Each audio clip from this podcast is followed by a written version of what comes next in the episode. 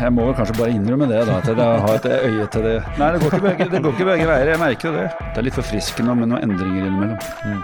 Jeg tror de kommer til å male på. Det, det kommer til å skje noe der i sommer. Han tar et gult kort kanskje for sabotasje fordi han vet at det gagner laget. Tråkker deg på tærne og klyper deg på tynnhuden under her, og bare for å få deg ut av, ut av fatning. Da. Sesongkortet, en podkast fra Nettavisen.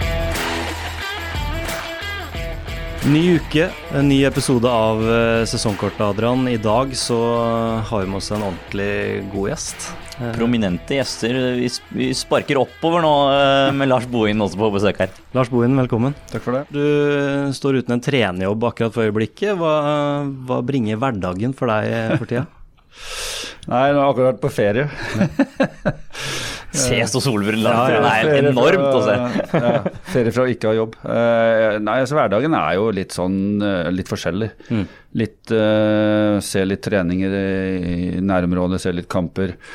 Uh, se fotball generelt på TV, selvsagt. Uh, og eh, så ser det ut som jeg kanskje skal jobbe litt grann, eh, for TV også. Så det, det er det det går i. Det er ikke noe sånn voldsomt spennende hverdag, men uh, faren er jo å bli liggende i senga bare og ikke gjøre noen ting. uh, og det, det prøver jeg å unngå. Uh, Nysgjerrig spurt, er det sånn at du følger med på de laga som gjør det litt dårlig rundt omkring i Norge, for å, for å være forberedt på en eventuelt eh, ledig trenerjobb, eller? det er jo det, da. Det er jo, det er jo sånn, dessverre, i det yrket her, man, man ofte får jobb, da. Så det er eh, jeg, jeg må vel kanskje bare innrømme det, da, at jeg har et øye til det. Til det og det, sånn er det bare, mekanismen er sånn, jeg skal være ærlig på det. Eh, Men det er ikke sånn at jeg går rundt og håper. Mm. Men jeg, jeg, jeg følger jo med der jeg tror at det kanskje kan skje noe i løpet av sommeren. Da. Eh, og Sånn er det for alle trenere tror jeg, som, eh, som eh, er på dette nivået og vil fortsette å være trener. For som jeg tror det er, altså, som du sier som bransjen er, at man ikke vil ha den på bakbeina hvis man plutselig får en forespørsel. At man har lest seg opp og sett seg opp i, i forkant. Ja, det er en fordel å følge med. Det er jo egeninteresse. Jeg ville nok fulgt med ganske bra uansett. Eh, Men det er klart å få, få en være til en viss grad i, i TV-en gjør at du er med i loopen. Du, du er nødt til å følge med. Du er nødt til å å være på, og det, det holder meg litt oppå, for ellers så kan hverdagen bli litt eh, trå. Så, ja. Ser du for deg, Er det innland som er liksom hovedmålet, eller er det sånne utenlandsopphold som trener også noe som er aktuelt hvis det kommer på bordet? Jeg følger med i utlandet òg, jeg gjør det. Eh, Jeg har en som eh, er litt på for meg i Sverige, og en i Danmark. Um, og så handler det bare om å, å på en måte eh, være på rett plass til rett tid. eh, Og så skal man ha flaks. Det er mange om beinet. eh, Og det er liksom ikke så ofte at f.eks. klubber i Sverige eller Danmark ansetter norske trenere lenger. Så det er ja, det gjelder å ha litt tur må man ha i dette bildet også. Mm. Du gjorde det jo bra i Sarpsborg, eh, Lars. Eh, Vil jo tro at han har gode kort på handa, Adrian, hvis det skulle dukke opp et ja, alternativ. Lars har jo, har jo et navn og, og meritter å vise til. Men det er interessant det du sier om norske trenere i Sverige og Danmark. Hva tror du er grunnen til at mm, man i mindre grad nå ansetter norske trenere i de andre skandinaviske landene? Jeg vet ikke. Det, altså, her i Norge så har vi jo på mange måter en forkjærlighet for utenlandske trenere. å få det inn. Vi syns at det av en eller annen grunn er veldig eksotisk, og at de er veldig bedre enn norske trenere. Jeg tror norske trenere er ganske Én, de er godt utdanna. To, de er på et, på et høyt nivå. Jeg tror det er veldig mange norske trenere som ville klart seg veldig bra, ikke bare i Sverige og Danmark, men uh, også i større ligaer. Uh, men det er det er liten tradisjon for det, og det henger litt igjen at noen nordmenn har mislykkes før. Eh, men nå er det, noen som er i, liksom, har lykkes òg, og, det- og det hjelper jo på. Men eh, det er et eller annet med Norge og utlendinger. Vi er, har veldig forkjærlighet for de. eh. Det går ikke begge veier. Nei, det går ikke begge, det går ikke begge veier. Jeg merker jo det. det er, så vi har, Hva har vi nå? Vi har én norsk trener i Sverige. Mm. Um, og vel ingen i Danmark. Nei, og Inge André Olsen bare som sportssjef. Ja, og Stig, og Stig Inge Ja. som sportssjef. Så det kanskje deres, Det er de ansvar, dere, deres ansvar å sørge for at det kommer nordmenn over i de ligaene. Du sier at du ser mye fotball nå, Lars. I helga så var det en cupfinale. For mange uvant å se det nå i, i, på vårtida. Eh, først og fremst, hva syns du om den beslutninga om å ha cupfinalen på vår? Ja, altså, den tvang seg jo fram uh, pga. Uh, koronatilstanden i fjor. Så den, den, Det er et sånne unntak. Uh, og så er spørsmålet skal vi fortsette sånn, skal vi snu på på cupen og gjøre det sånn. Det er sikkert uh, altså Cupfinalen skal jo være avslutningen på en sesong. og Hvis vi skal gjøre det sånn, så tror jeg også vi må snu hele den norske sesongen og spille høst-vår. Mm. Og gjøre det samme med cupen. Jeg tror det blir veldig dumt å spille cupfinale eh, syv serierunder inn i, en, inn, inn i et seriespill. Så cupfinale skal på ikke bare på skal på alle mulige måter være en avslutning på sesongen, føler jeg. Og da må man enten gjøre det ene eller det andre. Altså Enten så fortsetter vi sånn som vi har det nå, eller så må vi snu på den, på den seriesyklusen vi har også. Ja, Vi snakka om det i, forrige episode her eh, med, med Petter Bø Tosterud. At en cupfinale som liksom kommer mot slutten av sesongen og hodene er innstilt på at ting skal avgjøres. Det, du kan sikkert kjenne deg igjen i det som, som, trener. Hvordan tror du det har vært for Molde og Bodø-Glimt-apparatene å skulle skru om hodet fra, en, fra tredje serierunde, hvor man liksom jobber med å få maskineriet ordentlig i gang, til å bare spille en cupfinale hvor alt skal avgjøres, man skal dele ut gull? Ja, det har jo vært en semifinale i forkant, ja. så du er på en måte mentalt litt eh, innstilt på det som eh, kommer. Eh, jeg vet ikke om jeg, jeg tror det blir så annerledes for trenerne i inngangen til sånne typer kamper. Det er en avgjørende kamp. Det spilles ikke serierunde den, den helgen. Så blir det selvfølgelig annerledes med cupfinalen, men akkurat for trenere og spillere så tror jeg ikke at det har betydd noe særlig. Ehm, men det, det, er liksom rart at ok, nå ruller det videre. Uh, Cupfinalen er spilt, men vi er så vidt begynt. Så det, den er litt underlig. Uh, så jeg håper man uh, Jeg er liksom for egentlig å se på andre løsninger. Folk er så opptatt av at alt skal være tradisjon hele tida. Cupen blir ikke noe mindre tradisjon hvis man snur om på seriesystem f.eks. og spiller cupen som siste kamp i mai eller i begynnelsen av juni eller hva det måtte være. Um, det er litt forfriskende med noen endringer innimellom. Mm. Nå var det jo Molde, ser det ut til, da, som takla hele det best og vant uh, cupfinalen. Hva, hva syns du om det du så, så på Ullevål? Jeg syns vel egentlig at kvalitetsmessig, spesielt i første omgang, at det ikke var noe spesielt. Jeg tror begge lagene egentlig var litt skuffa over prestasjonene sine i første omgang. Det var masse tekniske feil, masse pasninger som gikk ja, utover sidelinja, for å være helt ærlig. Uh, ikke noe særlig rytme i det, kanskje spesielt Bodø-Glimt. Jeg tror at matchbildet var, lå nok nærmere Molde sin, sitt utgangspunkt enn en Bodø-Glimt sitt utgangspunkt. Uh, andre gangen tok seg litt mer opp, syns jeg. Det bølga litt grann, mer fram og tilbake. Det var litt mer kvalitet og struktur over ting. Eh, jeg tror nok at Bodø-Glimt, og det sa de også, at de er misfornøyd med prestasjonen. Så sånn sett så hadde de ikke noe å si på at de tapte. Eh, kanskje en billig straffe. Men, men, de er såpass ærlige at eh, de, de, ser på prestasjonen, og det har de vært tydelige på i flere år nå. Og når den ikke er god nok, så føler de at de ikke fortjener å vinne. og det, det kommuniserte de også ut på en bra måte. Og de var langt under det vi har sett dem tidligere. Det har blitt snakka om en Glimt-kode i etterkant, eh, Lars, og at den nå er knekt. Da. Hvordan ser du på hele den uh, diskusjonen der? Jeg, jeg, tror jo det at uh, hva skal jeg si, det, Glimt har ikke prestert. og altså, Vi så jo kampen mot Vålerenga. Den var jo helt, helt magisk på kunstgresset der oppe. Og Så har de hatt noen dårlige prestasjoner nå. og Jeg, jeg er vel av den oppfatning at de har ikke et så slagkraftig lag nå som de har hatt tidligere. Sånn at prestasjonene varierer mer, det syns jeg er ganske naturlig. Og når du da møter lag som øh, har gode spillere, øh, god spillerforståelse, øh, god posisjonell forståelse, Eh, god løpskraft, uh, som evner å organisere seg bra, så, så blir det vanskelig, de, selv for Bodø-Glimt, når de, de, ikke får hele maskineriet til å funke.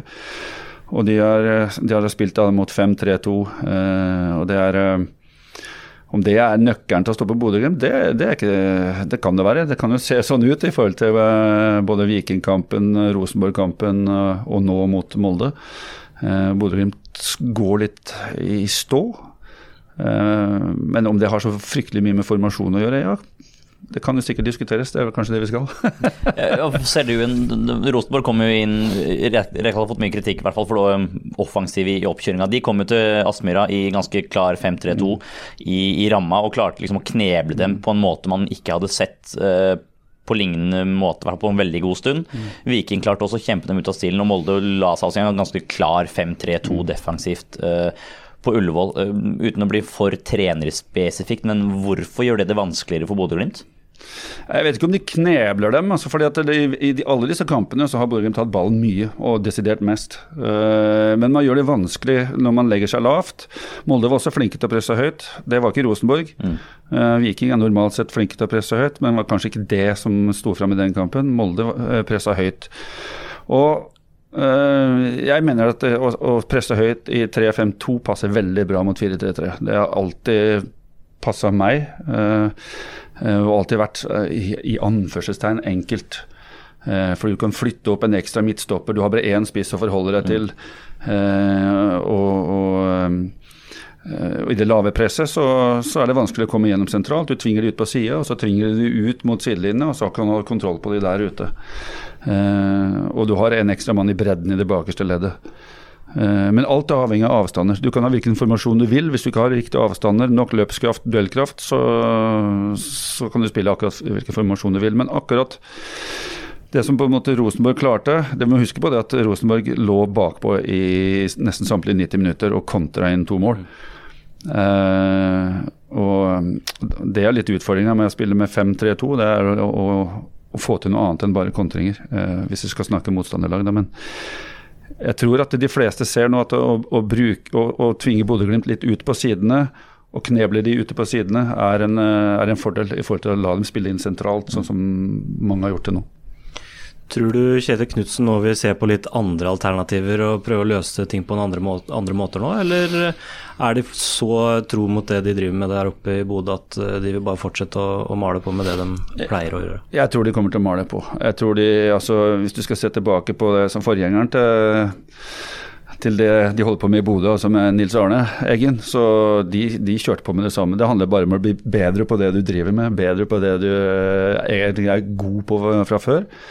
Så Bodø-Glimt, jeg, jeg, tror ikke de kommer til å gjøre noen endringer. Jeg tror de kommer til å øve på og hvordan eh, de skal løse den problematikken de, de kommer opp i når de møter uh, ja, 5-3-2, f.eks. Uh, og gjøre ting bedre. De har jeg har sett de har brutt ned lag når de har spilt 5-4-1, altså én forsvarsspiller til bak. ikke sant?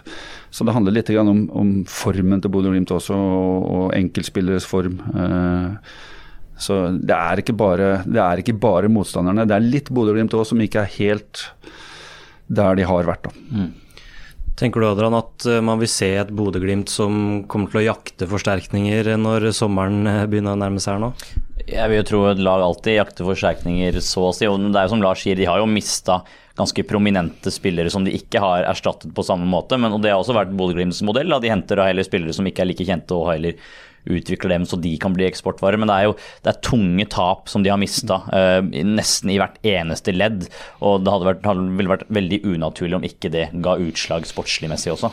Ja, jeg er helt sikker på at Bodø-Glimt kommer til å prøve å forsterke seg. Det er helt, sånn er bare mekanismen her. og de, de, har vært i toppen i et par-tre år nå, og de liker å være der. Og de vet hva som skal til for å være der. Så, og ikke minst så har de økonomi til, til, å, til, å, forsterke seg. Så det er klart at eh, det kommer til å skje noe der i sommer, det er jeg 100 sikker på. Men de kan også miste spillere i sommer. Ola Solbakken f.eks. Mm.